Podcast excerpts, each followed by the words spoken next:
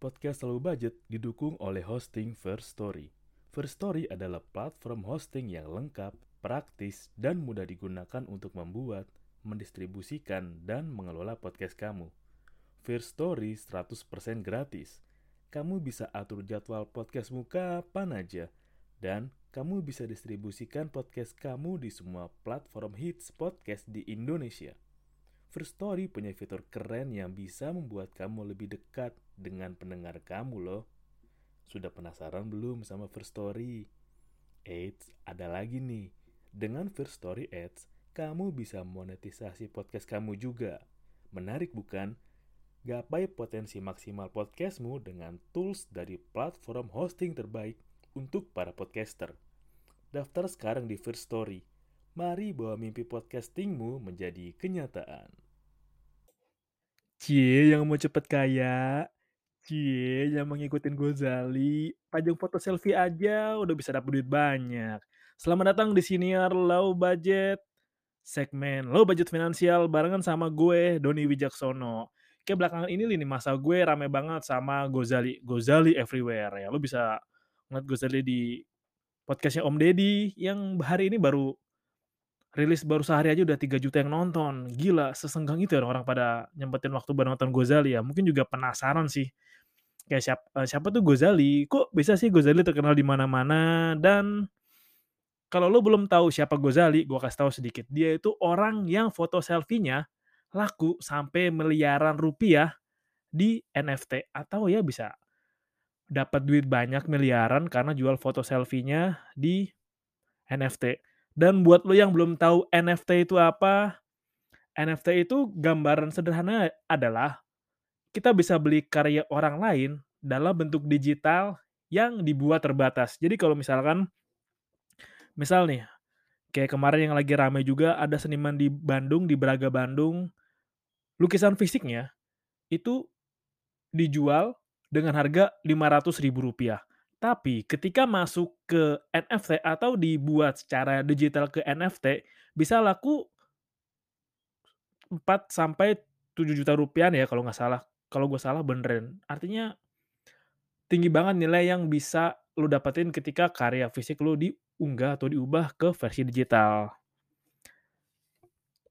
Jadi misalkan lagi nih, lu mau beli sesuatu di NFT, misal karya orang deh, kayak misalkan anggap aja Ariel Noah. Ariel Noah bikin gambar, ada gambar gunung dua, ada jalannya, ada sawahnya, ada matahari, dan ada burung. Nah, ketika misal dia buat gambar itu dan dia unggah ke platform NFT dan dia jual, terkata misalkan 0,01 Ethereum lah, dan lo beli, lo dapet hak paten dari gambar karya Ariel Noah tersebut. Jadi ya itu punya lo. Kalau misal ada orang yang copy paste ya itu copy paste dari apa yang lo beli. Dan ya bisa dibilang kalau emang itu dia bikin cuma satu, artinya adalah lo satu-satunya orang yang punya karyanya dia yang gambar gunung kembar itu. Itulah yang membuat kenapa NFT mahal, ya karena karyanya. Dan setahu gue ya, bener gue kalau gue salah, ketika lo udah beli sesuatu dari NFT nih, gambar seni digital lah, entah buat desain atau animasi atau karikatur, ya lu bisa pakai lisensi atau hak itu buat hal yang lo mau. Mungkin bisa buat baju, kaos, atau buat muk mungkin. Nanti beneran aja kalau gue salah, nggak apa-apa kok. Nah, untuk yang Gozali ini khusus, khusus Gozali ini memang agak beda. Dia terkenal karena unggah foto selfie yang dia lakuin secara konsisten 5 tahun berturut-turut kalau lu lihat halamannya di halaman NFT-nya, itu foto dia semua dari 2017 sampai sekarang. Dan kerennya, banyak yang beli foto dia sampai bisa laku miliaran. Dan tentunya petugas pajak melihat ini adalah peluang dong untuk edukasi pajak. Yang berarti ada orang-orang di sana menganggap bahwa foto Gozali adalah sebuah karya seni Emang sih kalau ngomongin karya seni itu emang hal yang abstrak yang nggak bisa lu ukur secara matematika atau ada rumusnya lah. Dan emang kalau buat gue, foto Gozali itu emang bisa dibilang sebuah seni. Karena dia keren sih, bisa konsisten foto selfie dirinya sendiri 5 tahun berturut-turut dengan ekspresi yang sama. Dan kalau perhatiin bedanya hanya di bajunya aja. Itu butuh mokondo yang sangat mokondo sih untuk bisa melakukan hal yang sama rutin 5 tahun berturut-turut. Sebenarnya emang ada beberapa orang juga selain Gozali yang melakukan selfie atau foto dirinya sendiri selama beberapa tahun berturut-turut. Cuman mungkin karena emang di sini aja ya. Jadi rame dan wow. Jadi menurut gua Gozali ini adalah contoh kesempatan bertemu persiapan dengan momentum yang tepat. Kalau gua sendiri, seandainya gua foto selfie 5 tahun berturut berturut-turut, gue juga nggak sepede dia sih untuk unggah ke media sosial atau ke mana pun juga. Karena emang gua tahu sih, satu sisi negatif dari lu unggah foto selfie lu bener-bener yang asli gitu lah, kan kayak foto KTP gitu. Bisa digunain buat pinjol atau bahkan santet. Kalau nggak salah gue pernah baca sekilas di Twitter apa ya, kayak ada beberapa pengajuan pinjol yang masuk make fotonya Gozali, beberapa sih mungkin gue di Twitter. Dan memang kalau misalkan gue unggah foto gue juga, ya foto gue beda asli dengan gue yang lihat secara langsung sih, gue nggak tahu kenapa.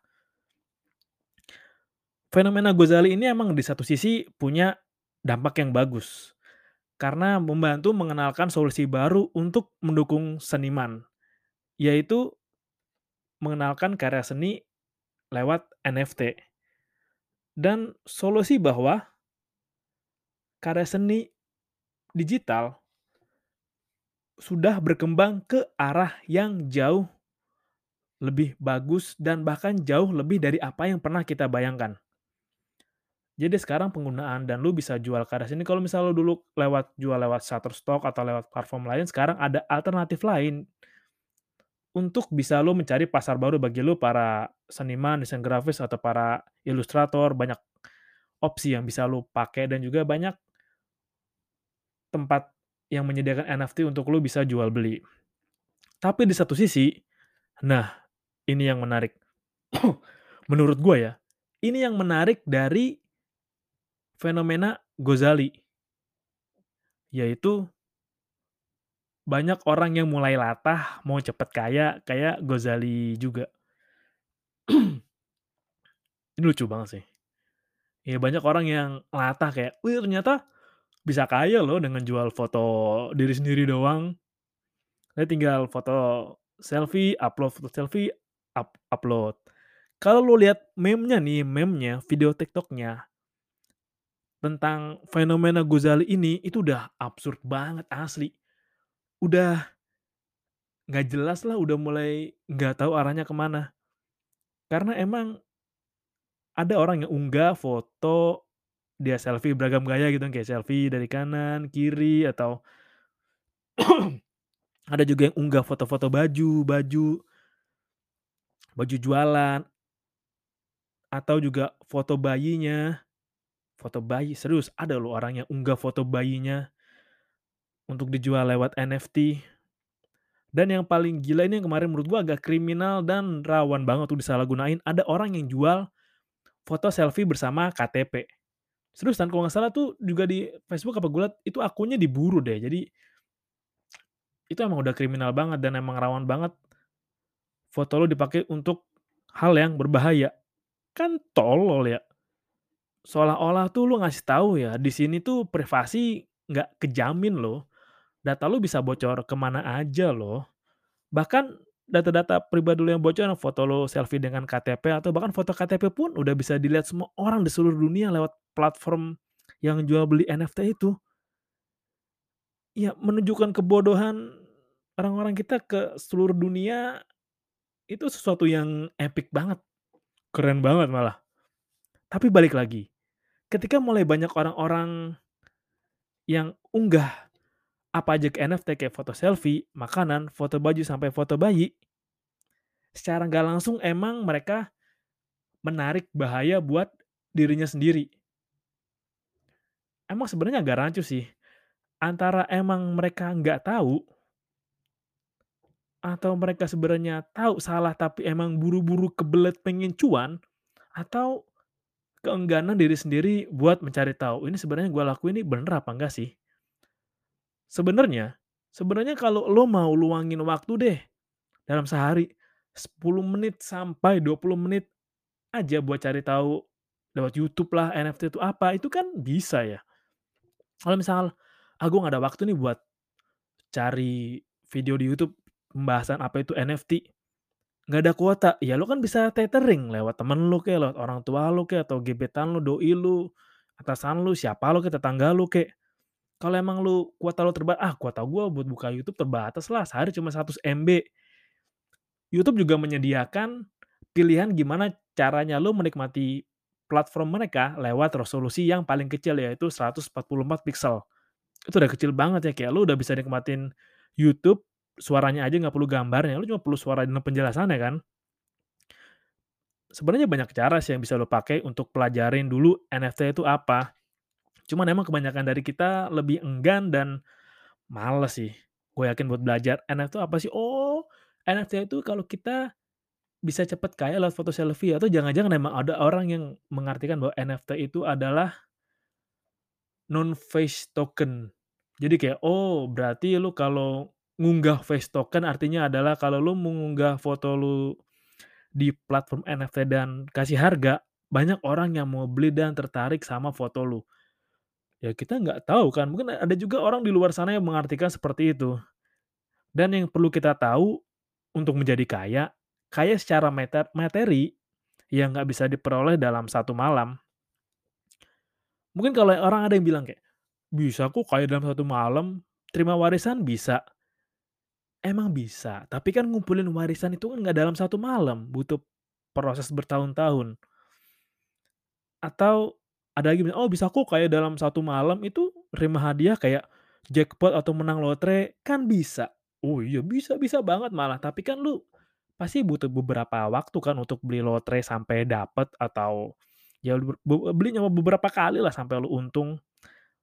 Sangat-sangat ultra langka banget lu bisa sekali menang dengan membeli lotre sekali. Dan itu juga bukan yang disaranin sih karena itu uang kaget. Dan ketika lu menang lotre pasti banyak orang-orang yang deketin lu dengan tujuan ya, "Minjem duit dong," atau, "Oh janji nagih-nagih itu dong," atau, "Pinjam sana sini dong," atau lu deketin orang-orang fake yang cuma pengen uang lu doang, itu juga lain cerita sih, kayak apa yang dapat instan bisa juga hilang dengan instan juga. Emang sebenarnya juga ada sisi lain yang bagus berkat Gozali ini ya, yaitu memunculkan niat, seenggaknya nunjukin lah bahwa banyak masyarakat-masyarakat kita tuh yang ingin kaya. Ya siapa sih yang nggak mau kaya ya kan, siapa sih yang nggak mau punya duit banyak.